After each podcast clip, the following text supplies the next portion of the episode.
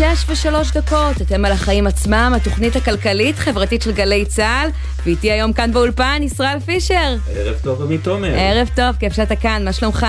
טוב מאוד, חורפי בחוץ, פה באולפן חמים. נכון, חם, אולי יהיה גם מגניב. יכול להיות, אני מקווה. הרבה עניינים על הפרק, יש לנו הרבה להספיק בתוכנית היום, אבל לצד זה, לכל אורך המשדר עדכונים מאוד גזרה שמתחממת מהדרום, ככל שידרשו, אחרי שלפני שעה קלה אה, נורתה רקטה לעבר שדרות מכיוון אה, רצועת עזה, אז אנחנו עם עין לשם ונעדכן ככל שידרש. בהחלט, לצד עדכונים שוטפים מהשטח, היום בתוכנית נדבר גם על סערת הגבלת השביתה שהגיש חבר הכנסת שמחה רוטמן. נשוחח בנושא עם אה, בכיר הליכוד, אפשר להגיד את זה ככה, יאיר כץ, שהוא יושב ראש ועד עובדי התעשייה האווירית. אמנם הוא איש ליכוד, אבל הוא ממש לא תומך בחוק הזה שמגיע מתוך הקואליציה. נרחיב איתו בנושא הזה. כן, ואולי זה מרמז גם על הקשיים שהודיעו להצעה הזאת בדרך. הרבה מחברי הליכוד, גם אלו שבתוך הכנסת, תומכים בעבודה המאורגנת, אה, ככה נבחרים על ידי ועדי עובדים ויש חזקים. ויש להם קשרים אה, חזקים מאוד עם אותם ועדים בבחירות המקדימות שיש אה, בכל פעם בליכוד, ויהיה להם קשה מאוד לאשר את החוק הזה, כך כן, נראה. אז מיד נרחיב גם על זה, ונגיע גם למשהו שחמק מתחת לרדאר. אתה יודע, כולם מדברים על חאן ח'אן אל-אחמר, שהמדינה שוב ביקשה לדחות את ההחלטה אה, בעניין, אבל עוד דבר נדחה, אה, מתברר ממש מפתיע. היום, נושא הפנסיות הצבאיות, ואגב, ח'אן אל-אחמר בפעם התשיעית, זה בפעם העשירית כבר. מתגלגל ומתגלגל, נדחה, משתנה. ואין החלטה בנושא, אחת ממגישות העתירה תהיה איתנו כאן. בנוסף נגיע גם לענייני יוקר המחיה שלא מרפים, אחרי שהיום הדלק התייקר, לכאורה רק לכמה ימים עד שיסודר עניין הצווים, ההפחתה של מס הבלו. האם בעוד שבועיים יעלו המחירים של לא מעט מוצרים בגלל עניינים שקשורים הפעם לצווי מכס? נגיע לזה בהמשך. ונמשיך לעקוב גם אחרי השינויים שצפויים להגיע בחוק ההסדרים הקרוב, והיום יכול להיות שנצטרך לשלם קנס אם לא נגיע לתור שקבענו לרופא. כן, כן, אבל עד לשם יש לנו עוד זמן, ונתחיל בהתחלה. מה הכותרת שלך היום, ישראל? אני רוצה לדבר על אינטל, באמת היא מעסיקה הכי גדולה בהייטק הישראלי, חשובה מאוד, ומצבה לא משהו, בשבוע שעבר היא פרסמה דוחות עם תחזיות מאוד קודרות, ובאחרונה היא גם ביטלה את הקמת הקמפוס הענק שלה בחיפה, שהיא mm. תכננה uh, לעשות. והיום מגיעות החדשות, לדעתי זו דוגמה אישית טובה, אבל זה צריך מאוד להטריד אותנו, כי אה, היום החברה הודיעה שהיא מקצצת בשכר הבכירים, 25% לעובדים ולמנהלים, בין 5 ל-25%, תלוי בדרגה, זה ישפיע גם על העובדים כאן בישראל. אין כאן סכנה ממשית פתאום, כי אלה עובדים שיש להם אה, אה, משכורות גבוהות מאוד, אבל זה מעיד על עומק המשבר בחברה הזו, באמת כל כך חשובה להייטק הישראלי, ואנחנו צריכים לקוות שהיא תצליח לעלות על דרך המלך. אני רק אגיד שהיום אינטל מסרה לנו בתגובה, בעודנו ממשיכים לנווט בסביבה מקרו-כלכלית שלילית ופועלים לצמצם עלויות ברחבי החברה, ביצענו מספר התאמות לתוכניות שכר והתגמולים לעובדים שלנו ל-2023. שינויים אלה ישפיעו באופן משמעותי יותר על אוכלוסיית המנהלים ויסייעו לתמוך בהשקעות ובכוח העבודה העבודה הכולל הדרושים לנו כדי להאיץ את השינויים המתבקשים בעת הזו ליישום האסטרטגיה ארוכת הטווח של החברה. ברור לנו כי שינויים אלו אינם קלים ואנו מודים לעובדים שלנו על המחויבות שלהם לאינטל והסבלנות שהם מגלים בתקופה מורכבת זו. עם זאת, עם התגובה mm-hmm. הזו אני רוצה להגיד, העובדים מחויבים לאינטל גם בגלל שהמצב הנוכחי בתעשיית ההייטק וגלי הפיטורים שאנחנו רואים כל הזמן לא באמת מאפשרים לעובדים האלה להתנגד. ועם זאת אני חושב שזו דוגמה טובה שלא חייבים לקצץ דווקא במספר העובדים, אלא גם במספר הבכירים. שלהם בהחלט, ואני חושבת שזה מהלך אה, יפה בסופו של דבר, של דוגמה אישית, כשגם בצמרת בעצם אה, ככה אה, מצטרפים לקיצוצים. ובסופו של דבר, אתה יודע, ברור שלמי שמרוויח משכורת גבוהה, זה פחות מורגש בחיי היום-יום הקיצוץ הזה. מצד שני הוא גם קיצוץ יותר גדול, כי הקיצוץ נעשה באחוזים. באחוזים, והמשכורות שם באמת לתפקידים הבכירים משכורות מכובדות מאוד. כן. אבל טוב שזה קורה ולא מפטרים עוד עובדים, למשל, זוטרים יותר. בהחלט, זה לא אומר שזה לא יקרה, לצערנו. זה גם יכול לקרות וזה מטריד יותר. כן. אה, ומה הכותרת שלך? הכותרת שלי היא המהלך החסר תקדים, לדעתי, של אה, שר השיכון, יצחק אה, גולדקנופ, ששוקל לעצור את הבנייה החדשה בחיפה לאור הזיהום הסביבתי במפרץ חיפה המגיע ממפעלי בז"ן. במכתב שהוא משגר היום לשרה להגנת הסביבה ולמנכ"ל משרד הבריאות, שמפרסמת היום עדי כהן, כתבת הנדל"ן של דה מרקר, הוא מתייחס למחקר חדש שפורסם פורסם על הנזק הבריאותי מאותו זיהום וכותב, דיווחים על תחלואה עודפת בסרטן, כולל בקרב צעירים, בשל זיהום האוויר של מפעל בז"ן, מתפרסמים כבר מספר שנים ומגובים בנתונים. נוכח החומרה של הנושא ומאחריות לשלומם ולבריאותם של אזרחי ישראל, אני מבקש לכנס דיון דחוף כדי לבחון צעדים משמעותיים לסילוק המפגע הזה בהקדם האפשרי. עכשיו תשמע, האם גולדקנופ יכול לממש את האיום שלו? להורות להפסיק לבנות בחיפה, וזהו. זה לא רק חיפה, זה הקריות וכל נכון, הערים שסובבות את חיפה. כנראה שלא ממש, הוא יכול לעכב תוכניות עתידיות, כאלו שעוד נמצאות בשלב האישורים, ויש כאן פרדוקס. מצד אחד, ידוע שהנשק הטוב ביותר שיש אה, במלחמה במחירי הדיור היום, הוא הרחבת ההיצע. לבנות, לבנות, לבנות, אבל גולדקנופ אומר פה, לא נפעל רק להורדת המחיר בכל מחיר. וזה מסר חשוב בעיניי שאנחנו לא שומעים הרבה במציאות של ימינו של מחירי דיור אה, משתוללים. נזכיר בהקשר של המפעלים המזהמים בחיפה שיש החלטת ממשלה שהתקבלה לפני כשנה לפנות אותם, אבל היא עברה ללא לוח אה, זמנים ובינתיים המצב לא השתנה, אז יהיה מעניין לראות איך יגיבו במשרדי איכות הסביבה והבריאות, והאם המהלך הזה יגרום לממשלה הנוכחית להרים את הכפפה ולהציב את הנושא גבוה יותר בסבב העדיפויות, בתור חיפאי במקור ישראל. בחיפאי במקור שעסק הרבה בפינוי המפעלים במפרץ חיפה. אתה יודע אותה, כמה זה חשוב, מרגיש את זה. אותה החלטה ממשלתית היא אה, הייתה מאוד מעורפדת בתוך כעשור, אבל יש פה בעיית נימבי אחרת, כי צריך עכשיו למצוא מקום לאחסן את כל הגז בישול ואת כל התזקיקי נפט ואיך לדאוג באמת אה, שישראל תוכל לשמור על זה, וכאן הרשויות שבהן רוצים להקים את המכלים החדשים אומרים למה אצלנו? וזה יכול להתעכב בינתיים, נראה שזה יכול להתעכב עוד הרבה מאוד זמן, כי אלה תהליכי אישור ארוכים מאוד, הרבה מאוד כסף, ובינתיים בחיפה הזיהום חוגג. כן. נראה מה יהיה עכשיו עם הנושא הזה, אולי איום כזה יעשה את העבודה. אולי מהכיוון הזה, זה כן. יעזור. נתחיל? יאללה.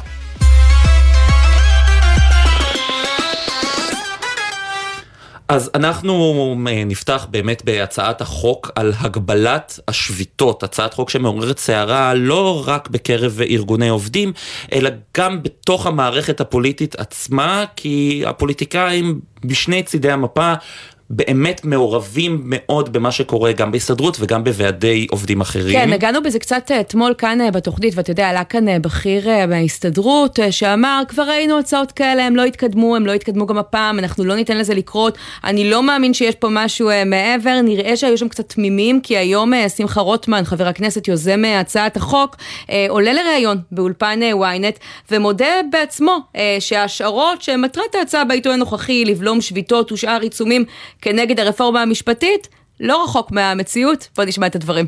הסיבה שהחוק הזה קודם אה, והונח כרגע על שולחן הכנסת, הוא לא, הוא לא קודם להצבעה, אבל הוא הונח על שולחן הכנסת, מאוד פשוטה והיא קשורה לרפורמה המשפטית. קיבלתי בשבועות האחרונים פניות רבות, גם ממשפטנים וגם מפרקליטים בשירות המדינה, חברי ארגונים מקצועיים, שאומרים לנו, אנחנו מרגישים נרדפים על ידי הארגון המקצועי שלנו.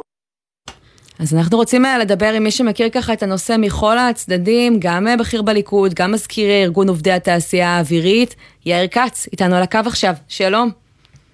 ערב טוב, ערב טוב. תשמע, זה נשמע שהפעם אה, שמחה רוטמן אה, מהציונות הדתית אה, רציני, זה לא איזו הצעה שכמו שעלתה לסדר היום ככה תידחק, אתה גם מרגיש את זה? לא, נשמע שזה אה, לא רציני כמו פעם קודמת שזה היה לא רציני, גם הפעם זה לא רציני. תסביר. אני חושב ששמחה רוטמן... שמחה אה, רוטמן קושר את האירוע הזה לאיומים, בשביתות, ברפורמה אה, אה, של מערכת המשפט. אני חושב שזאת לא המציאות, אני חושב שמי שמנסה לקדם את ההצעה הזאת זה לא אחרים מאשר ארגונים קיצוניים כמו קהלת ואחרים. יש פה הרבה מאוד סעיפים שלאו דווקא נוגעים לעניין ה... אה, שביתה לפי אז האמירות שלו על קידום המהפכה המשפטית בקשר הזה, בהחשש, הוא אומר, יועצים משפטיים באים אליו ויש חשש אמיתי שהשביתות יהיו כלי אה, לעצירת הרפורמה הזו שהוא והשר יריב לוין מנסים לקדם. אתה לא רואה את הקשר הזה? לא, אני רואה קשר ישיר, אני קראתי את הצעת החוק וניתחתי אותה, יש פה הרבה מאוד סעיפים שנוגעים בפגיעה בעובדים, בפגיעה באיגודים מקצועיים, ללא קשר לאירוע כזה או אחר. ההצעה הזאת כבר עלתה בעבר בנוסח uh, קצת שונה, אבל עלתה פעם נוספת, וכמו שהיא עלתה בפעם הזאת, היא גם תרד בפעם הזאת. אנחנו לא נאפשר שום פגיעה בכוחה של העבודה המאורגנת במדינת ישראל. אנחנו שומרים על העובדים, המוחלשים ביותר במשק, שומרים גם על עובדים שיש להם אה, עניין אה, אה, לשמירה. כשאתה אומר לא נאפשר, למה אתה מתכוון? אנחנו נעשה כל מה שצריך כדי שההצעה הזאת ת, תרד. בוא, שביתה? עם כל הכבוד... לא, אני חושב שאנחנו לא נידרש לשביתה. תראה, אנחנו לא בימים... אני עומד בראש ארגון שלא שבת למעלה מ-30 שנה. Mm. ההסתדרות זו הסתדרות חדשה, זו הסתדרות שפועלת באחריות, בשיקול דעת. אנחנו לא אה, אה, מחפשים איפה לייצר אה, רעש, אנחנו יושבים, מנהלים במשאים ומתנים, תוך כדי באמת אה, אה, שיקול של כל, אה, כל מה שחשוב גם למעסיקים ולאו דווקא אה, לעובדים. ראינו את זה גם בתקופת הקורונה, איך העובדים נרתמו ונכנסו תחת האלונקה כדי אה, אה, לשקם את המשק. כן. וזהו, אז אין שום, אין שום סיבה בעולם שההצעה הזאת תבוא בטיימינג... אבל אתה אומר, אני לא אה, חושב שזה יגיע לשביתה. למה? על סמך מה? אתה מדבר היום עם אה, חברי כנסת, עם שרים אה, בליכוד לגבי ההצעה הזאת, להבין ככה לאן הרוח נושבת? ודאי, תראי, בסוף שמחה רוטמן אה, אה, משתייך למפלגה שעם כל הכבוד אה, זכתה בארבעה מנדטים בבחירות האחרונות וחברה למפלגה נוספת. בסופו של דבר הקואליציה מורכבת ממפלגות חזקות וגדולות ממנה שתומכות בעבודה המאורגנת. מה אתה שומע את בליכוד? מה אומרים לך. בליכוד? מה שאומרים לי בליכוד זה שההצעה הזאת היא הזויה. ההצעה הזאת היא הזויה וגם לא תתקבל. שהם יצביעו נגד? זה- זה- ההצעה הזאת לא תגיע למצב של אה, של, אה, יצטרכו להצביע. בואי, בסוף ההצעה עלתה ותרד כפי שהיא עלתה. יגידו אבל שיש פה אילוץ אה, קואליציוני לקדם את אותה הצעה, ותשמע, ראינו מה? שגם אתה- הליכוד, אה, נתניהו אה, לא ממש היה בראש סדר העדיפויות שלו, למשל, למנות את בצלאל סמוטריץ' אה, לשר האוצר, בסוף הוא נתן לו את התפקיד, גם סמכויות במשרד הביטחון, כי זאת מפלגה קטנה, אבל עם הרבה מאוד כוח. מפלגה קטנה עם כוח ובמשאים ומתנים קואליציוניים קורים דברים, אנחנו כבר לא באירוע הזה. בסוף יש פה אחריות של הרבה מאוד אה, אה, ח"כים ושרים שזקוקים לעובדים מאוגדים, שזקוקים לשקט התעשייתי הזה, שזקוקים למשק חזק. בחרו ב, אה, במפלגת השלטון. זקוקים לכם גם בגלל הפריימריז. אה, הבאים, ככה כשיקרו לכוח של התעשייה האווירית, של ועדי העובדים החזקים האחרים.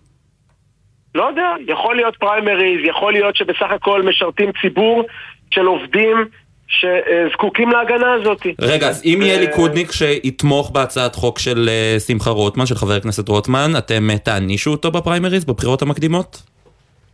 תראה, אני אה, והעובדים של אה, עובדי התעשייה האווירית, אני מניח שהעובדים בוועדים אחרים, נותנים את קולם אה, לנבחרי הציבור, בין היתר, באופן שבו הם מתייחסים לעבודה המאורגנת. כמובן שאם יהיה אה, חבר כנסת או שר במפלגת הליכוד שילך אה, אה, נגד העובדים, שיפגע בעבודה המאורגנת, לא יקבל את הקולות שלנו בפריימריז הבאים, זה מובן מאליו.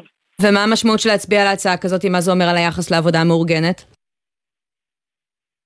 מי שמצביע בעד ההצעה הזאת הוא נגד העבודה המאורגנת. מי שמצביע נגד זכות השביתה, שהיא זכות דמוקרטית, מי שמצביע נגד האיזון הזה, הרי אני- בסוף, בסופו של דבר, השביתה היא זו שמייצרת את השקט. כי אם לא תהיה את האפשרות לשבות, יהיו כל הזמן ניסיונות של המעסיקים לפגוע בעובדים, והעובדים ינסו לתת את הקונטרה. תגיד, אני- ככל שיש לנו את זכות השביתה, ככה שורר השקט. אני חייבת אותי. לשאול אותך, אתה אומר אה, בעצם ככה, אה, צריך אה, להמשיך אה, להפגין אה, בכל מצב, וגם הסעיף הזה שקשור לרפורמה המשפטית, אתה מתנגד לו. אתה תומך במחאת ההייטקיסטים ככה? כלומר, לא ברמה האישית, אלא ברמת היכולת שלהם, הצורך שלהם להפגין נגד הרפורמה פעם בשבוע על בסיס קבוע לעצור את העבודה? אני רואה את, השביתו, את ההפגנות שקורות אה, בכל מוצאי שבת, אני לא משתתף בהן, אני אה, חושב שצריכה להיות רפורמה אה, במערכת המשפט. אני שומע הצהרות של לרדת מהארץ וכל מיני דברים כאלה ואני מזדעזע. בסופו של דבר ציינו את... אה, לא, רפורמה כמו שהיא נראית כיום, כפי שהיא מוגשת. כיום? אסור לנו לשכוח איפה היינו לפני כמה עשרות שנים. יש לנו מדינה אחת, והמדינה הזאת זה בית לעם, לעם היהודי, וזה שעכשיו מחליט, בגלל שנבחרה ממשלה באופן דמוקרטי וחוקי לרדת מהארץ, שיבושם לו, אנחנו לא צריכים אנשים כאלה במדינה. לא, אבל אנחנו מדברים על ההפגנות, על ה- אה, על ההפגנות שעובדי ועל הייטק עושים. באנשים... אה, בזמן עצירת העבודה, כן. לא במוצאי שבת. עבודה מאורגנת. אני לא מתכוון אה, להשבית את העבודה בתעשייה האווירית, אה, לא כנגד צעד כזה או כנגד צעד אחר. בסוף הפגיעה במשק, אה, בתוצרים, בהכנסה, בתל"ג, בכל הנושאים האלה, דרך אה, אה, מחאה של שעה בשבוע או שעתיים בשבוע, אני חושב שמפספסת את המטרה. יש זכות דמוקרטית להביע את הדעה ואת העמדה, ומכל מי שרוצה לבחור להשתמש בזכות הזאת, שישתמש mm. בה, אני לא שם. אגב, תגיד, אתה אה, אמר פה אתמול אה, אותו בכיר אה, בהסתדרות, רועי יעקב, שבהסתדרות מנהלים בימים אלה בחינה משפטית בעצמם של הרפורמה המשפטית כדי לראות אם היא לא פוגעת בזכויות עובדים, בכוח של בתי הדין לעבודה ובהיקף הסמכויות שלו. אם יתברר דבר כזה, יכול להיות שנראה אתכם מוחים נגד הרפורמה המשפטית? ככל שהרפורמה הזאת תוביל לפגיעה בעובדים, אנחנו נהיה שם. נבחרנו על ידי אה, עובדים שלנו כדי לשמור על הזכויות שלהם אה, ועל אה, יכולת שלנו לשפר את תנאי השכר וההעסקה שלהם. במידה ותעשה אה, רפורמה אה, או, או צעדים שיפגעו ביכולת שלנו לעשות את המטרה לשמה נבחרנו, אנחנו נפעל ב... כפי שאנחנו רואים לנכון לפעול. לקראת סיום, הקואליציה הנוכחית, וזה משהו שבא מתוך הליכוד, אה, מאיימת לפגוע בעובדים נוספים, בעמיתנו מתאגיד השידור הישראלי. איך אתה רואה את זה? אז אני לא יודע אם אתם שמעתם, אבל אני הוצאתי איזשהו אה, פוסט בנושא הזה. בוודאי, אפילו עשיתי לייק, שיתפתי. זו הסיבה שאנחנו שואלים, כן? אה, יפה, אז קודם כל אה, אתם יודעים בדיוק איך, אה, מה, מה אני חושב על העניין הזה. אה, אני... אבל בוא תספר למאזינים. נפגשתי, נפגשתי אתמול עם נציגי עובדי התאגיד, ואני אומר לכם, באמת, ראיתי מנהיגי עובדים שחוששים לפרנסתם של העובדים שבחרו בהם ואותם הם מייצגים אבל לא רק הנושא הזה של שמירה על העובדים ועל הפרנסה של אנשים של אלפי משפחות שמתפרנסות מהתאגיד ומהמעגלים סביב התאגיד זה מה שהעסיק אותנו. בסוף אנחנו מסתכלים ורואים האם צריכים לתקן משהו שהוא לא מקולקל. לפני שש או שבע שנים עשו רפורמה אה, משמעותית ב, אה, אז ברשות אה, השידור והלכו הביתה הרבה כן. מאוד אנשים, התאגיד הפך להיות גוף יעיל שמייצר תכנים איכותיים שמיליוני אזרחים במדינת ישראל נהנים לצרוך אותו. האם השר, שר התקשורת אה, שלמה קרעי צריך אה, אה, לצאת כנגד ולייצר איזשהו רפורמה עוד לפני שהוא למד והבין את הנושא? אני ממש לא חושב שזה אה, מה שצריך לקרות. תשמע, יש איזה אנחנו... קו שמחבר בין אה, שני, שני הנושאים האלה, והדברים שלך חשובים בנושא הזה בשני הנושאים. אתה יודע, כש, כשהוקמה הממשלה הזאת, אחרי תוצאות הבחירות, דיברו איתנו על ממשלת ימין, על מלא, עם שותפים אה, מאוחדים, לא ממשלה מפולגת, כמו שראינו אה, בממשלה הקודמת, שהיה באמת הרבה מפלגות, עם הרבה דעות, מכל קצוות הקשת הפוליטית. בינתיים רק התחילו לעבוד, והנה שני נושאים מרכזיים, שיש ממש מחלוקת בתוך הקואליציה אה, עליהם. זה סימן לבאות? אני רוצה לומר שזה, בכלל, השיח, אה, השיח הציבורי הוא לא, הוא לא בריא. בסוף נבחרה ממשלה ואני בחרתי uh, uh, בעצמי גם uh, במפלגת הליכוד בבחירות האחרונות. אני הייתי רוצה לראות הרבה יותר סולידריות סביב סביב הממשלה. אבל אתה זה שיוצא כן, נגד הדברים של שר התקשורת, יוצא נגד הדברים של חבר מפלגתו של שר האוצר בצלאל סמוטריץ'. הייתי מצפה אה, מראש הממשלה שלנו, בנימין נתניהו, לקרוא לסדר, מה שנקרא, את כל ראשי המפלגות הקטנות, שנכון שיצאו אה, אה, בשכרה, מה שנקרא, במשאים ומתנים הקואליציוניים, וליישר אותם. בואו, אנחנו צריכים להתחיל לעבוד, צריכים לתקן את מה שלא בסדר במדינה, צריכים אחדות, אחדות בעם, ש, שאנחנו שומעים את השיח והפגנות כל מוצאי שבת. היינו רוצים להרגיע את האירוע הזה. מדינת ישראל עומדת בפני אתגרים ביטחוניים, וכמו כן. שכולנו לצערי רואים, כל כך משמעותיים, שהאם עכשיו סגירת תאגיד השידור זה מה שאנחנו צריכים כרגע? אני לא בטוח. סדר עדיפויות. כן. יאיר כץ, מזכיר ארגון עובדי התעשייה האווירית ובכיר בליכוד, תודה רבה, ערב טוב. תודה רבה לכם. ביי טוב. והאמת שזה ממש מתחבר לסוף השיחה אה, הקודמת, עניינים של סדר עדיפויות, מה הממשלה הזאת אה, מקדמת בספרינט ומה היא דוחה ודוחה. דיברו היום הרבה על ח'אן אל-אחמר, אה, סוגיית הפינוי שלו, ששוב הממשלה מבקשת דחייה מבית המשפט, שלה, לדחות כן. את ההחלטה בפעם התשיעית, אבל זה לא הדבר היחיד שבו הממשלה מבקשת היום הערכה, יש נושא חשוב שעולה לנו הרבה מאוד כסף, נוסף שנדחה ונדחק, הפנסיות הצבאיות, נושא שהיה צריך להכריע בעניינו כבר לפני יותר משנה ובחסות הטלטלות הפוליטיות אה, נדחה. כעת הוא נדחה שוב בפעם העשירית. הממשלה מבקשת דחייה של שלושה חודשים במסירת עמדתה לבית המשפט, ואנחנו רוצים להגיד שלום בעניין הזה למי שמייצגת את העמותות שהגישו את אותה עתירה נגד תשלומי הפנסיות הצבאיות הגדולות, הרמטכ"ל העודפות, עורכת הדין מיקה שיינוק קרטן, שלום. שלום, שלום. הופתעת מההחלטה הזאת של הממשלה, הבקשה הזאת, או שזה היה צפוי? לצערי, לצערי לא.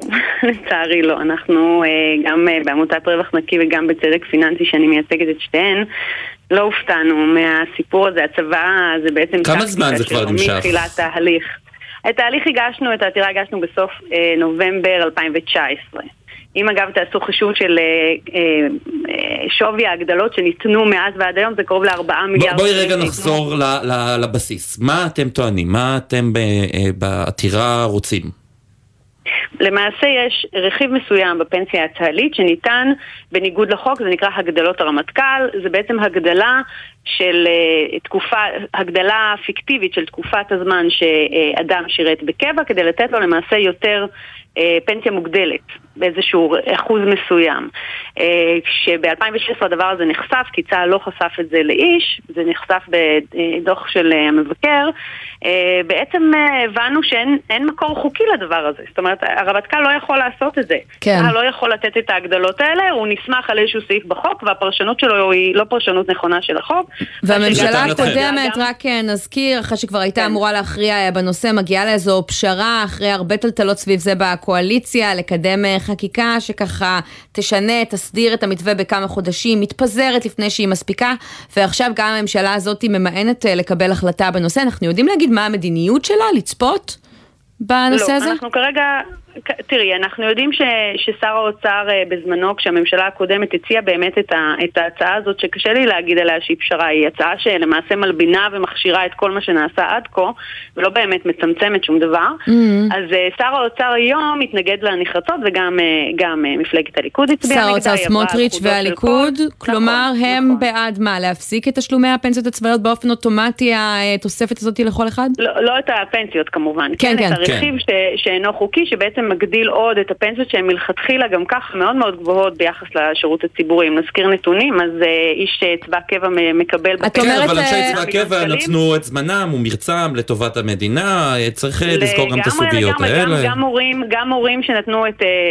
זמנם, מרצם ו, וכולי, מרוויחים רק שני מיליון בפנסיה שלהם. אני לא מדברת על לוחמים, אני מדברת על אנשים שיושבים שהם כמוני עורכי דין או מהנדסים או פסיכולוגים או אנשים שאינם בתפקידי לוחמה, אוקיי? כן. אבל זה לא משנה בגלל שהצבא עצמו לא עושה דיפרנציאציה, הוא לא מתייחס אחרת ללוחמים. או אה, לא, אגב, דווקא לוחמים בהסדר הזה של ההגדלות, לפי איך שהוא כרגע עוד קיים כיום, הם מקבלים הכי פחות. הגדולות, mm-hmm. כי מי שמרוויח מזה הכי הרבה זה אנשים רגע, אז אני רוצה להחזיר אותנו לסיפור הפוליטי, אז מספסלי האופוזיציה, את אומרת, הם היו נגד, כשהם נכנסים אה, לממשלה מתברר שהתמונה כבר אה, מורכבת יותר. זה נשמע שכן יש להם דעה בנושא. תראי, הדעה שהם השמיעו בנוגע להצעה הקודמת, שאכן הייתה הצעה, לא פשרה שוב, זו הצעה שפשוט אימצה את כל מה שקיים עד היום, הייתה מאוד נחרצת. היום אנחנו עדיין לא יודעים מה העמדה שלהם, אנחנו כן ראינו בתקשורת אה, mm-hmm. התבטאויות של אה, סמוטריץ', אבל דחייה כזו של, של עוד שלושה מוסדר. חודשים, כמה היא עולה לנו? Mm-hmm. היא עולה המון כסף. תנסו לחשוב, תעשו את החישוב של אה, מיליארד 300 מיליון כספי הגדלות בשנה שמשולמים. זאת אומרת, רכיב, רכיב אחד קטן מהפנסיה זה מה שהוא עולה למשלם המיסים, שאין לו שום מקור אה, חוקי. 300, 400 מיליון שקל, עוד נוספים, וזה... כן, כן, כן. רק עד שעמדת המדינה תתקבל, אחר כך החלטה. הרבה נכון, מאוד כסף. נכון, העותרות שבו וביקשו מבית משפט להוציא צו ביניים, בעצם לעצור בינתיים את מתן ההגדלות לכל מי ש, שרק מתווסף, mm-hmm. אוקיי? לכל מי שכרגע יוצא לקבע, לצערנו נדחנו על ידי בית המשפט ורק תגידי לנו אה, לסיום, בית המשפט קיבל את הבקשה הזאת של הממשלה לדחייה? של המדינה? כרגע זה רק הוגש, הוא עוד mm-hmm. לא קיבל, אנחנו uh, נתנגד לזה ונבקש כן. uh, שהוא לא ייתן את הארכה הזאת, כי זה באמת עולה לנו מיליונים רבים uh, uh, מהקופה הציבורית שלנו, שהיא בהחלט uh, uh, ראויה לתחזוק ולא ל... אז אנחנו נמשיך, נמשיך לעקוב, לעקוב כן. כן. תודה רבה. עורכת הדין מיקה שיינו קרטן, תודה רבה. אנחנו יוצאים לכמה תשדירים, ואז, האם אנחנו בדרך להתייקרויות נוספות? נראה שכן, ובמוצרים הבסיסיים ביותר, ולא רק, כבר חוזרים עם כל הפרטים.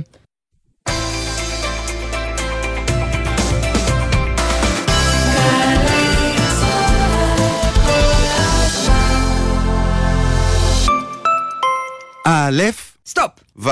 וייטנאם. ישראלים הטסים לווייטנאם חייבים להציג שם בכניסה אשרה בתוקף.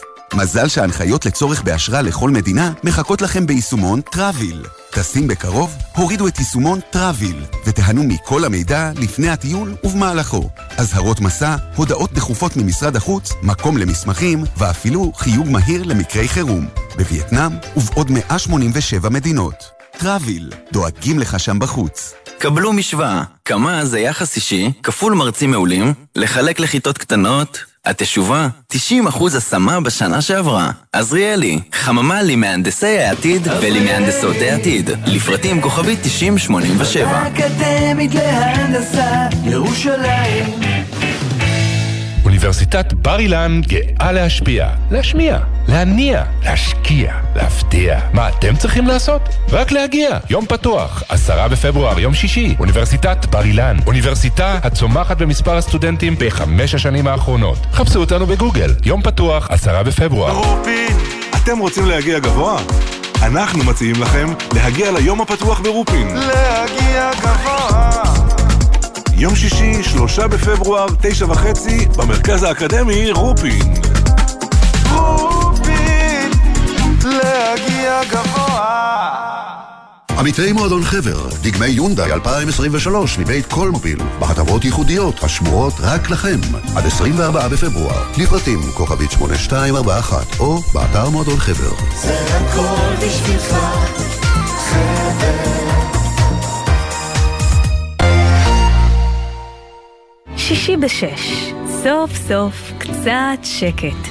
אפשר לשמוע ציוץ של ציפור, רשרוש של עיתון, נחירות של שנץ, אבל כדאי לשמוע את שש בשישי.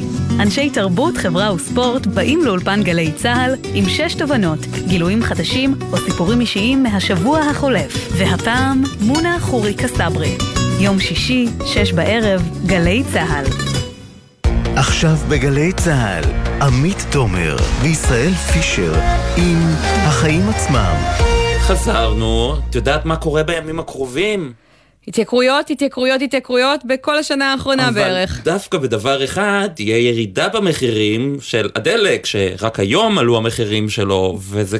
כן, אני לא חושבת שאפשר לקרוא לזה ירידה, אפשר לקרוא לזה ביטול ההתייקרות, לא. נרגיש את ההוזלה הזאת בכיס. אני צריך להגיד שבעיניי, כל ה... הרי משרד האוצר יודעים מה קורה בשוקי הנפט בעולם, יכלו לצפות את המגמה הזו, ויכלו להורות על פרסום הצווים שמורידים את הבלו עוד לפני ההתייקרות האחרונה, וכשעושים את זה רק בתגובה לפרסום, ש- כן. זה, זה בעיניי בעיקר משדר אה, בהלה. וזה תמיד קורה, ככה צריך להגיד, גם הממשלה הקודמת, בנובמבר, נכון נפלה באותו נכון דבר, מאוד. נזכרים בדקה ה-90, ובאמת ככה אזרחי ישראל והכיס שלנו הופכים אה, למטוטלת וחבל, ותשמע, יש עוד שני אה, עניינים בוערים, שאנחנו כבר יודעים לספר שאנחנו הולכים להתמודד איתם בחודשים הקרובים, מחירי הביצים ומחירי מוצרי החלב, שניהם בפיקוח, שניהם אמורים לזנק במחיר של, אה, עליית מחיר של 15-16 אחוזים. ובינתיים יש דיונים על משמעותי. זה בוועדות הכנסת, ועדות הכלכלה והכספים, אבל אין, עוד, עוד לא עשו שום דבר, וזה כן. משהו שמתקרב. ואומרים שוקלים גם להקפיא את ההתייקרויות האלה, זה נמצא גם בהסכמים הקואליציוניים יחד עם החשמל והמים והדלק, שוקלים להקפיא גם את המחירים של המוצרים המפוקחים, והשאלה היא, אחרי שראינו את זה בחשמל ובדלק, ואולי נראה את זה עוד מעט שוב, עד כמה המעגל הזה יכול לעבוד, עד איפה, עד מתי, הרי בסופו של דבר הסבסוד הזה, המקור התקציבי שלו צריך להגיע מאיפשהו, ועל זה אנחנו רוצים לדבר עם טלי ירון אלדר, לשעבר נציבת מס הכנסה, שלום. ערב טוב. מה עמדתך על הפתרונות האלה? הורדת מס הבלו על חשמל, על דלק?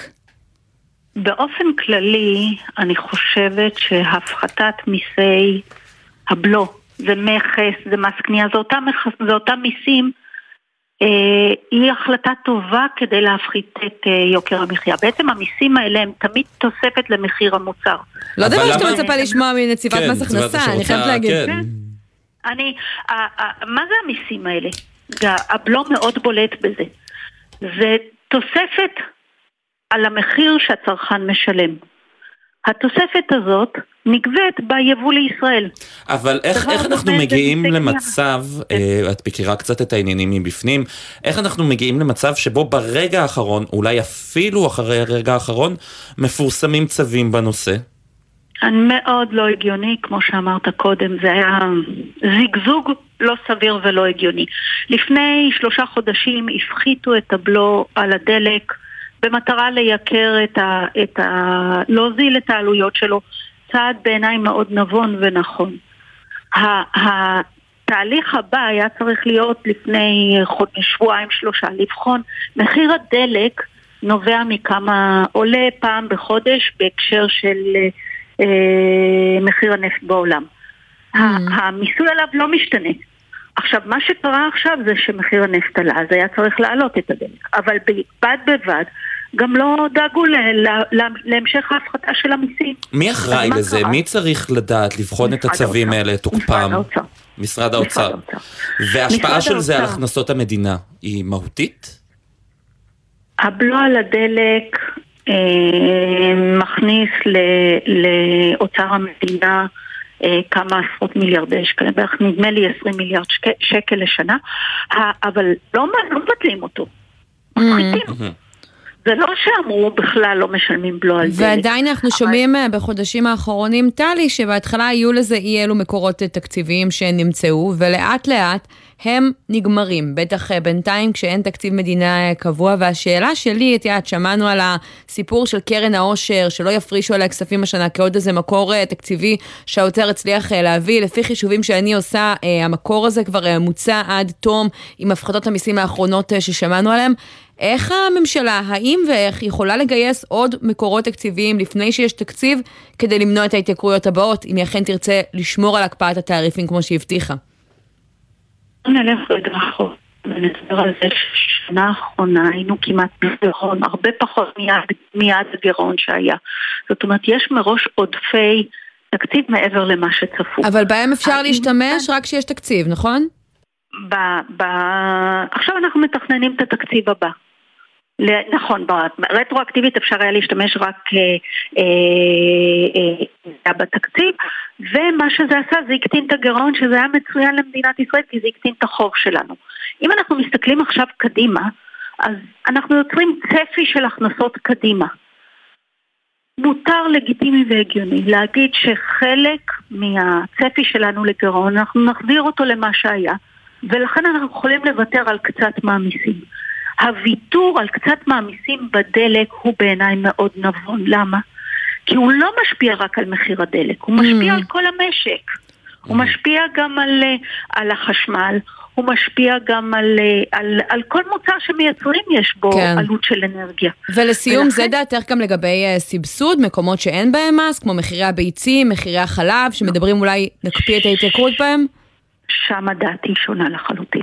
מה? אני למה? חושבת שלהשתמש בכלי של הפחתת מיסים, שהמדינה גובה פחות מס על היבוא, זה שונה לגמרי מאשר להוציא כסף ול, ול, ו, ולתת. כי כשאני מוציא כסף ונותן, אני יוצר כלכלה שהיא לא אה, תחרותית. אתה יוצר העדפה למוצר מסוים.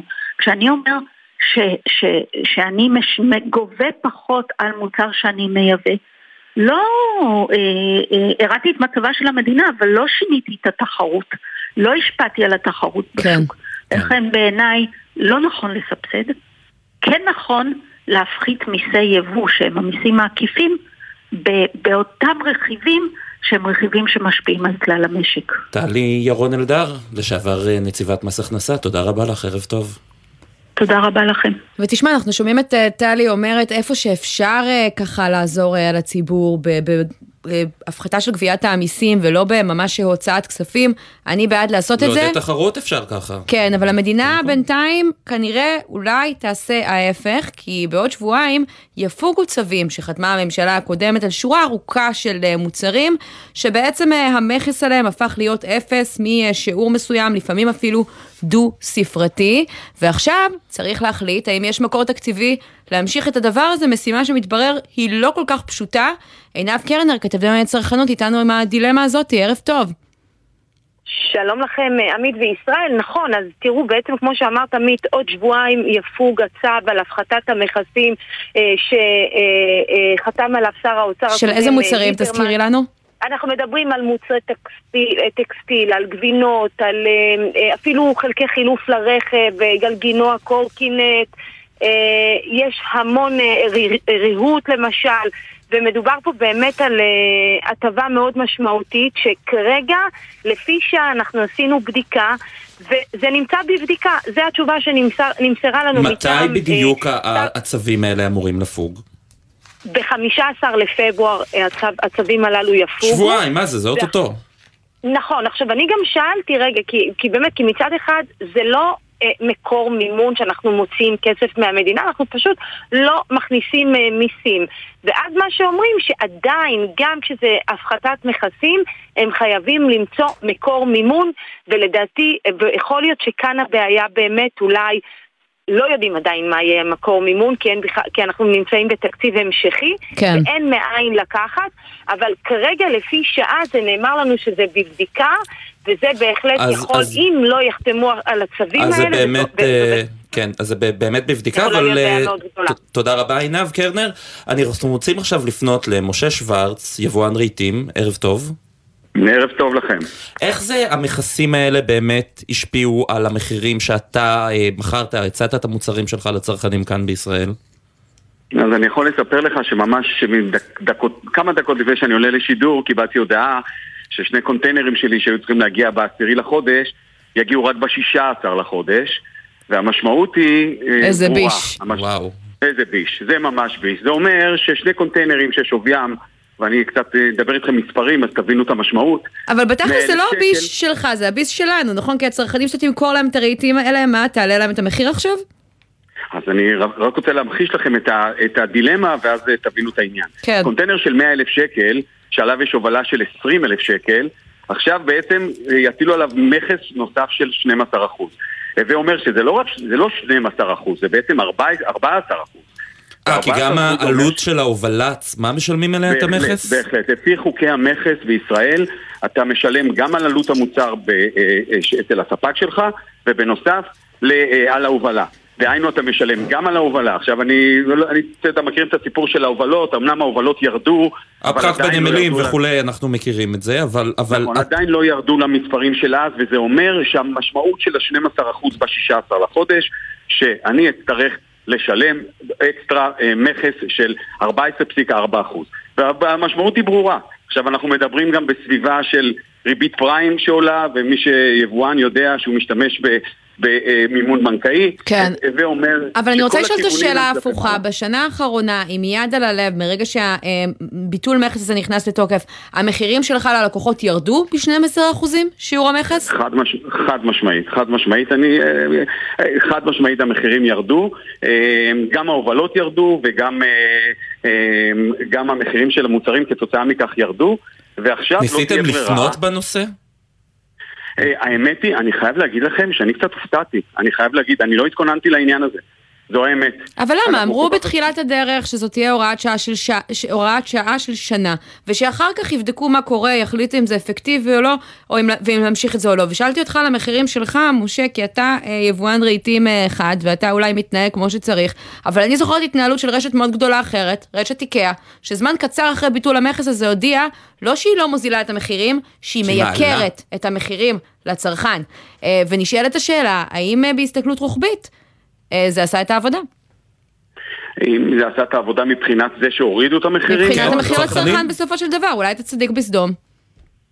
אה, אני לא בטוח, אני, אני, צריך, אני צריך משהו להזכיר. בסופו של דבר, הש, השווקים, בעיקר שלנו, עובדים הרבה על מבצעים. כלומר, זה, זה, זה מהות העבודה, ובסופו של דבר, כשאתה יכול לבוא ולתת הנחה ללקוח, אז ברגע שהעלויות שלך יותר נמוכות, ובואו כולנו אנשי כלכלה ומספרים, אה, יש לך איזשהו רווח גולמי מינימלי שאתה צריך לקיים כדי לממן את כל אותן הוצאות של ארנונה ושכר דירה וכולי וכולי. ובסופו של דבר, כשיש לך את ה... נקרא לזה, את, ה, את השומן הקטן הזה שמורידים לך 12 אחוז, שזה בעצם, כמו שאמרנו בהתחלה, זה 14.4 אחוז, אז יש לך אפשרות הרבה יותר להוריד מחירים וללכת לקראת הלקוח. אבל מה קורה עכשיו שבא הקונטיינר ב-16 לחודש והלקוחה אה, אה, שהזמינה לפני, שילמה לפי המחיר לפני, ועכשיו בעצם המחיר הוא יותר גבוה.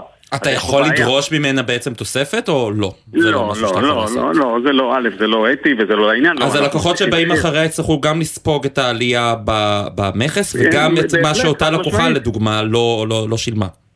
חד משמעית, אין ברירה. בסופו של דבר 14.4 אחוז זה, זה אה, אחוז משמעותי מאוד בעלות המוצר, ולא תהיה ברירה, אלא שכל היבואנים, אה, מעבר לרהיטים, ייאלצו לה- להעלות מחיר. לא תהיה ברירה פשוט.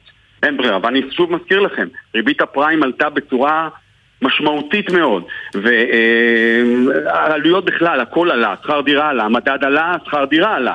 כן. כלומר, העלויות התקורות עלו, אה, ועכשיו הגזרה הזאת שאני מקווה מאוד, ואני באמת באמת, אם אני יכול, קולי הצנוע והקטן, לקרוא כאן לממשלה באמת אה, אה, לטפל בנושא הזה ולהמשיך את, את אותם צווים, היות וזה לא הזמן. ואם אנחנו רוצים לטפל אוקיי. ביוקר המחיה, אז זה הזמן. משה שוורץ, יבואן רהיטים, תודה רבה שדיברת איתנו, ונמשיך רבה. לעקוב אחרי הנושא הזה.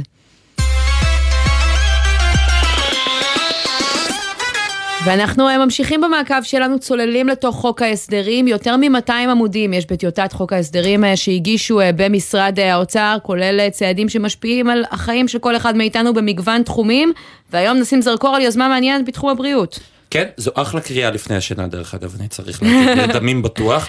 אה, מתי בפעם האחרונה הזמנת תור לרופא? אה, תור פיזי לרופא, האמת, לא מזמן, אבל אני אגיד לך למה. כי כתבו לי במכבי כשרציתי לפנות אליו רק באפליקציה לבקש מרשם, לא היית אצל הרופא שנה וחצי, את צריכה ללכת ללכת. כדי שזה ימשיך, שזה בדיוק, אני חושבת, מצדיק את מה שאנחנו הולכים לדבר עליו. אז לפני כמה שבועות ניסיתי לקבוע תור, וראיתי רופא משפחה שלי שאני מאוד מעריך אותו, אבל אתה צריך משהו דחוף, והתור הקרוב היה רק בעוד ארבעה ימים. וואו. והסיבה לזה, במקרים רבים, no show. בן אדם קובע תור, לא מגיע, Mm. לא בא. אז עכשיו, במסגרת חוק ההסדרים, רוצים להכניס משהו חדש, שמי שלא בא לתור שנקבע לו, יצטרך לשלם קנס. כלומר, זה יכול מערכת בריאות ציבורית חינמית, כל עוד גם המטופלים מתנהגים מתנהגים יפה. כמו שצריך, אז אני רוצה להגיד, אנחנו רוצים להגיד ערב טוב לחיים פרננדס, מנכ"ל קופת חולים לאומית, ושעבר סגן הממונה על התקציבים באוצר, ערב טוב. אהלן, ערב טוב ישראל וערב טוב עמית. מה דעתך על הצעד הזה של קנס למי שלא בא ל- לתור שנקבע לו? נראה לי שהוא מחבב. אז אה, רגע לפני שאני מחבב, אני חושב שרק אה, נבהיר את ההצעה שנמצאת על השולחן. ראשית, שמעתי את התיאור שלך, ישראל, ביחס לרופא המשפחה שלך. ההצעה הזו לא דנה בביקורים שלנו אצל רופא המשפחה, אלא בביקורים שלנו אצל הרופאים היועצים, אורתופדיה או אף אוזן גרון וכיוצא באלה מקצועות. טוב, שם כן. המצב עוד יותר גרוע, כן, לא? שם ממש אין תורים. נכון, ושם זמני ההמתנה הם מאוד גדולים ומאוד ארוכים, וההצעה באה להגיד את הדבר הבא. כבר היום, לפני ההצעה הזו, כשאנחנו הולכים אה, לרופאים היועצים הללו, אנחנו משלמים השתתפות עצמית של 32 שקלים, אולי שקל יותר, שקל פחות בין הקופות, אבל זה הסכום שאנחנו משלמים. ההצעה באה לומר שכשנקבע את התור, אה, אנחנו נחויב באותם 32 שקלים, כלומר, יגבו מאיתנו את ה-32 שקלים. אם לפני שהגיע מועד התור, הקופות ישלחו אליך או אלייך שאלה, האם את מתכוונת להגיע לתור? אגב, זה דבר שנעשה כבר היום, למיטב ידיעתי, בכל הקופות בלאומית בוודאי אנחנו עושים את זה. אם זה את מגיעה אז מצוין, או אם אתה מגיע מצוין. אם אתם לא מגיעים, תצטרכו להגיד שאתם לא מגיעים, ואז יחזירו לכם את אותם 32 שקלים. אבל אם ישאלו אתכם אם אתם מתכוונים להגיע ולא תודיעו שאתם לא מתכוונים להגיע, אז הגבייה הזאת תתממש ותגיד, הכסף אה, ילך 92 לחיזוק. מערכת הבריאות, לאיזה שהם צרכים אה, רלוונטיים כאלה, או יתגלגל בקופת המדינה? לא, אז ה-32 שקלים האלה הוא כסף שמה שנקרא יישאר אצלנו בקופות, בוודאי שילכו לחזק את המערכת, כמו שאתם יודעים יש הרבה מאוד תחומים שאנחנו נמצאים בחוסר, גם ברפואה יועצת, אבל לא רק, גם בגריאטריה וגם בבריאות הנפש וגם בהתפתחות הילד.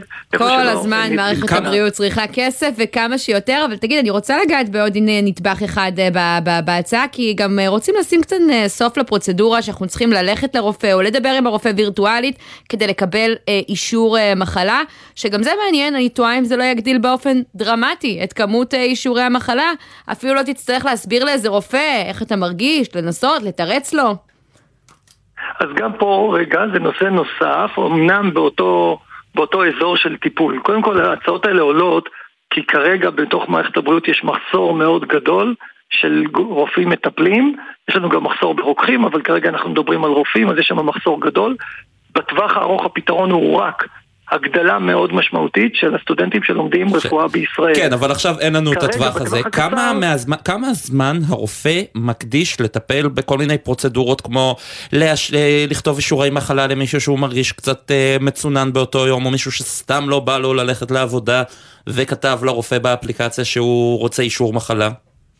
אז הסטטיסטיקה היא כזו שמתוך סדר גודל של 80 מיליון ביקורים בשנה שיש ברפואה ראשונית בישראל, משפחה רפואה ראשונית וילדים, נגיד שזה משפחה וילדים וכולי, כן? בדיוק, אז עשרה אחוזים פחות או יותר ישראל, כלומר שמונה מיליון ביקורים הם בעולם התוכן שכרגע תיארת, בעיקר בעיקר כל הנושא של אישורי מחלה.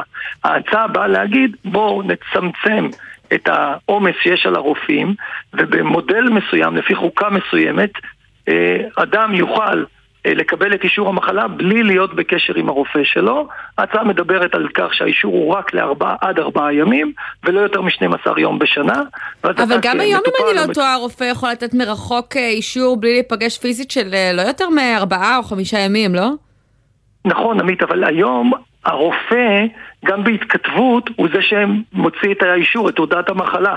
כשאנחנו, כמו שאת אומרת, הרבה פעמים יודעים שהם עושים את זה, מה שנקרא, בלי לבדוק בציציות אה, מה, מה הסיבה ומה הרקע. כן. בהצעה, אם היא תעבור, את בכלל לא תדברי עם הרופא או הרופאה שלך. את אה, תתכתבי עם הקופה, יהיה איזה צ'טבוט כזה, Mm. שתוכלי לבקש את הבקשה. החוקה תבדוק שאת זכאית, כי זה אישור שאת מבקשת ללא יותר מ-X ימים, במקרה הספציפי ולא יותר מ-Y ימים מצטבר באותה שנה קלנדרית, ותוכלי לקבל את האישור אוטומטית. אם זה יהיה מעל המספרים שכרגע מוצעים, אז תצטרכי לדבר עם הרופא או הרופאה. היית בעבר באוצר. היו באמת הרבה יוזמות, גם הרעיון של קנס אם אתה לא בא לרופא עלה כמה פעמים, אה, וכל מיני רעיונות שעלו לקיצור התורים בר- ברפואה הציבורית. מה לדעתך הסיכוי שהפעם זה יעבור? תראה, אני חושב שהסיכוי קיים. אה, מאוד מאוד אה, חשוב לזכור שאנחנו מתמודדים עם מחסור, כמו שאמרתי, של מטפלים, ואז אנחנו צריכים למצוא את שיווי המשקל בתוך המערכת. אנחנו רוצים שהרופאים והרופאות יטפלו בדברים המרכזיים, אנחנו רוצים לקצר זמני המתנה לרפואה יועצת, ועכשיו כאן, אה, מי שמצביע צריך להבין שהצעדים האלה נועדים כדי לעשות שימוש מושכל במשאבים המוגבלים שקיימים. אני שוב מדגיש ואומר, הצעדים האלה יש להם תועלת והם עוזרים במשהו, הם בוודאי לא הפתרון היסודי שהמערכת צריכה. המערכת צריכה עוד הרבה יותר מטפלים. כן. בעשור האחרון הממשלה אה, אה, פעלה בצורה רעה מאוד בכל הקשור לתכנון כוח האדם במערכת הבריאות, היא זו שאחראית לזה, על זרועותיה השונות. ואנחנו כרגע פוגשים מציאות של זמני המתנה מאוד ארוכים וסבל גדול למטופלים. כן. טוב, אתה יודע, ראינו ששר הבריאות רופאים אה, כרגע אה, יוצא, אריה דרעי אה, הספיק לפני שהוא ככה התקבלה החלטת בג"ץ לקבל עוד קצת כסף לסל התרופות. אולי בהמשך גם למטרה הזאת, מי יודע. אה, כן, אז בהסכמים הקואליציוניים יש תוספות אה, שאמורות להגיע למערכת הבריאות. השאלה היא באמת באמת א', מה יצא מההסכם הקואליציוני, כלומר כמה תוספת תגיע למערכת. זאת תמיד שאלה ראשונה, ושאלה שנייה זה. השימוש. מאוד מאוד חשוב לשים לב לשימוש, השימוש צריך ללכת לתוצרי בריאות בהיבטים של רפואה מונעת, קידום בריאות, קיצור זמני המתנה, חיזוק הקהילה, לשם התקציבים צריכים ללכת ולא לדברים שלא מוסיפים, לא. לעדכוני שכר ולא לתוספות שכר, אלא לתוצרי בריאות למען התושבים. חיים פרננדס, מנכ"ל קופת חולים אה, לאומית, לשעבר סגן הממונה על התקציבים באוצר, תודה רבה שדיברת איתנו. תודה רבה, ערב טוב. כלכלת החלטורה, באיחוד האירופי רוצים לסיים אותה. מה זה אומר כלכלת החלטורה? כמו נהגים של גט טקסי בישראל, או שליחים של אה, וולט כאן, שאתה לא באמת שכיר של החברה, אבל אתה מחויב לה באיזשהו אופן, מקבל ממנה את השכר. כן. ורוצים להגביל את זה. הרבה זמן מדברים על זה שהתחום הזה פרוץ, גם בארץ צריך להגיד, יש אה, צוות שכבר ככה יושב אה, מעל שנה לדעתי אה, ומנסה להסדיר את הנושא הזה, בינתיים די מתמהמה והנושא הזה נסחב אצלנו, באירופה מתחילים עכשיו אולי לנקוט צעדים, ואנחנו רוצים לדבר על זה עם ויקי אוסלנדר מכלכליסט, ערב טוב. ערב טוב. אז מה הולך לקרות מחר באיחוד האירופי? תסבירי לנו. אז אה, צפויה לעבור אה, תקנה שבאיחוד עובדים עליה למעלה משנתיים, שקוראים לה Platform Work Directive, וההצעה הזאת היא מבקשת בעצם להסדיר את המעמד של העובדים האלו, כמו שתיארתם קודם, בין היתר מעין להגדיר אותם כברירת מחדל כעובדים שכירים, ולחברות הפלטפורמה השונות תהיה אפשרות בתהליך ערעור לנסות להגדיר מחדש את העובדים האלה כעצמאים, אם הם יעבדו בכמה, יעמדו סליחה בכמה קריטריונים ספציפיים כדי להוכיח שבאמת מדובר בעובדים שהם יכולים להיחשב אבל בואי רק נדייק, ולא... מחר מקבלת את ההחלטה איזושהי מועצה של האיחוד האירופי, ולאחר מכן זה צריך לעלות להצבעה בעוד ערכה, נכון? שאנחנו יודעים שיש מדינות רבות שמתנגדות בה, כלומר, זה יותר עניין דקלרטיבי כרגע, לא בטוח שממש נראה את זה משנה את שוק העבודה באירופה בכאן ועכשיו. Um, אני לא הייתי מסכימה ואומרת שיש מדינות שמתנגדות לזה, יש okay. כל אוקיי. מיני מדינות שיש להן כל מיני uh, סייגים לגבי uh, חלקים. כן, כמו כן, מה למשל? את יכולה לספר לנו? אמ, נניח אחד הדברים הראשונים ש... אחד הדברים, כל הרעיון ברירת המחדל הוא זה שמטריד כמובן את ארגוני, את ארגוני המעסיקים, כי הם אלה שהם לא רוצים בעצם להוכיח, אה, שלא רוצים שיהיה נטל ההוכחה עליהם, אז בעצם אה, על זה הוויכוח שלהם. בהתחלה התקנה כללה אה, חמישה קריטריונים שבאופן אוטומטי אם אתה לא עומד בשניים מהם, ישר אתה נחשב מעסיק והעובדים שלך שכירים. אה, והיה בזה משהו שהרגישו שהוא אה, נוקשה מדי, אז לכן הורידו את ההגדרות המדויקות האלה, והתהליך הוא יותר אה, חופשי. נכון, זה נכון שהאיחוד האירופי זה ארגון גדול ומסואב, ולוקח זמן עד שהם משיתים החלטות כאלה, במיוחד כאלה החלטות גדולות שישפיעו על כמה מיליוני אנשים, אבל הוא כן נותן את הטון הברור לחלוטין שהעובדים האלה הם עובדים שצריכים לראות בהם כשכירים, זאת צריכה להיות ברירת המחדל, ולהפסיק את הסיפור הזה שאובר, וולט, דורדש, ליפרנדו, חברות כאלה, מנסות להילחם בכל מדינה בנפרד ולנסות לנצל איזשהו ארביטראז' רגולטורי כל פעם בנפרד. אז חושבת מנסה ליצור כן. מסגרת מוסכמת אה, אחת. אגב, ישראל היא כמובן לא חלק מהאיחוד האירופי, ההחלטה הזאת היא לא תשפיע עלינו, וכמו שאת אומרת, בכל אה, מדינה יש את הדין שלה, אנחנו יודעים שזרוע העבודה אה, כבר פועלת בנושא לא מעט זמן. מה הסיכוי שנראה מהלך דומה אצלנו להערכתך? הוא נראה קטן מאוד, וזה נראה שכרגע בישראל לא ממהרים להסדיר את התחום הזה. אה, מתנהלת תביעה ייצוגית, זה מתנהל, יש איזשהו הליך בבית משפט שמנסים אה, לקבוע באמת מה המעמד של אה, שליחים בארץ, אבל זה לא נראה שהדרך רצופה להסדרת העובדים הזאת. כן, ויקי אוסלנדר מכלכליסט, תודה רבה על הדברים האלה, ונמשיך אה, לעקוב אה, כמובן. ואנחנו אה, רוצים לצרף לשיחה עכשיו את א', שליח של וולט, היה שליח גם של גט דליברי בעבר, מכיר היטב את ככה שיטת התעסוקה הזאת של כלכלת הפלטפורמה. שלום. שלום, מה נשמע? תספר לי קצת על הסדר יום שלך. איך זה עובד להיות שליח של וולט? מה, איך נראה הסדר יום? אה, תשמע, היום הסדר יום שלי זה לא אני קם מתי שאני רוצה ועובד ועושה את היומית שלי. אה, המודל עצמו השתנה מתחילת הוולט, היום אני צריך מ-8 בבוקר עד, עד, עד סוף היום לעבוד, כמו כל עבודה רגילה. כאילו... ואיך התנאים? אתה מרגיש שהם מנצלים אותך בחברה, או אתה מרגיש שיש מחויבות של החברה כלפיך אה, מהבחינה הזו? או להפך, שזה נותן לך גמישות. מה, מה הכוונה מנצלים אותי? אני מרגיש שהם חושבים רק על הכיס שלהם בסופו של דבר כי לא... כי הכל השתנה, כאילו, מההתחלה שלהם הם גם הורידו תשלומים לשליחים אה, ומשנים את זה כל פעם שאיכשהו זה... זה יהיה בעד החברה ובעד הלקוח, פחות בעד השליח. כן, ועם זאת, יש, אתה יודע, כל מיני חברות אחרות שמציעות להיות שליחים היום באופן שכיר, כמו טנביס למשל, למה לא ללכת לעבוד שם אם ככה? אה, כי עוד, למה לאו בטנביס? כי... כי שליחים של טנביס והאוכל עצמו הוא מגיע ללקוחות ממש כאילו לא בעיכובים. א', אנחנו פשוט אה, מאוד מתנצלים, זמננו תם. אה, אנחנו, אה, תודה רבה לך על הדברים האלה, ערב טוב. רק נקריא את תגובת דובר צה"ל לנושא של פנסיות צבאיות.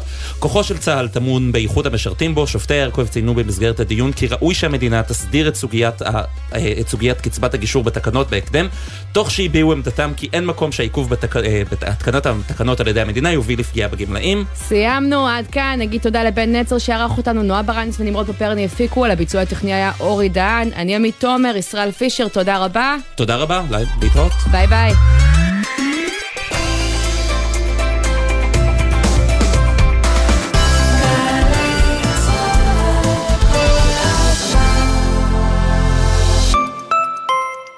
שלום, כאן ריף נאמן, ואני מזמינה אתכם לגעת בכוכבים הגדולים ביותר, אבל על אמת. בואו לשבוע החלל הישראלי בהובלת סוכנות החלל הישראלית במשרד החדשנות, המדע והטכנולוגיה. מגוון פעילויות מעשירות עם אסטרונאוטים אמיתיים, ניסויים, הרצאות וחוויות שיעיפו אתכם לחלל. מ-29 בינואר עד 3 בפברואר. לפרטים חפשו בגוגל שבוע החלל הישראלי. שלום, כאן אנה מאגף השיקום במשרד הביטחון. אז מה חדש אצלנו? המון. במסגרת רפורמת נפש אחת שידרגנו למענכם את האתר שלנו, ומהיום תוכלו להגיש מרשמים, להזמין תרופות, להגיש בקשת החזר הוצאות או לקבוע תור לביקור במחוז. והכל באתר, יעיל וקצר. תוכלו גם לראות במצפן הזכויות את כל הזכויות וההטבות שאתם זכאים להן בקליק אחד. אז חפשו בגוגל, אתר אגף השיקום. אנחנו כאן בשבילכם. אתם רוצים שילדיכם יגיעו הכי גבוה שאפשר? לומדים באחד מבתי הספר של חיל האוויר, רוכשים תעודת בגרות איכותית לצד הכשרה טכנולוגית מתקדמת ושפע הטבות, כולל אפשרות להמשך לימודים על-תיכוניים בתמיכת חיל האוויר, ומתגייסים לשירות משמעותי בחיל האוויר. אתם מוזמנים ליום הפתוח ביום רביעי, 1 בפברואר, בבתי הספר של חיל האוויר ברחבי ארצנו. מיועד לבוגרי כיתות ח' וט'. עוד פרטים חפשו לימודים עם חיל האוויר. המסלול הטכנולוגי של חיל האוויר, מסלול ההמראה שלך. זו אותה נסיעה לעבודה או הביתה בדרך המוכרת, אבל בחורף זה לא אותו הכביש. בחורף, כשהרעות לקויה, קשה לנהגים יותר מהרגיל להבחין ברכב שעצר בשול הדרך. לכן, לא עוצרים בשולי הדרך, אלא במקרה תקלה שאינה מאפשרת המשך נסיעה. הרלב"ד, מחויבים לאנשים שבדרך.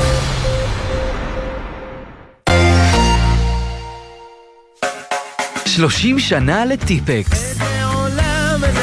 הלהקה שבאה משדרות כבשה את הלב של כולנו עם המוני להיטים, חוגגת 30 שנה בגלי צה"ל. ענבל גזית מארחת את קובי עוז, רמי יוסיפוב וגל פרמן. היינו אמורים להיות להקת מונית, שכל הכלים שלנו ייכנסו לתוך מונית ונצליח להופיע. ההופעות הראשונות באלבום הראשון שלנו היו פסטי פורים. לפנינו היה כלב מאולף. שבת, שתיים בצהריים, גלי צה"ל. מיד אחרי החדשות, עידן קבל.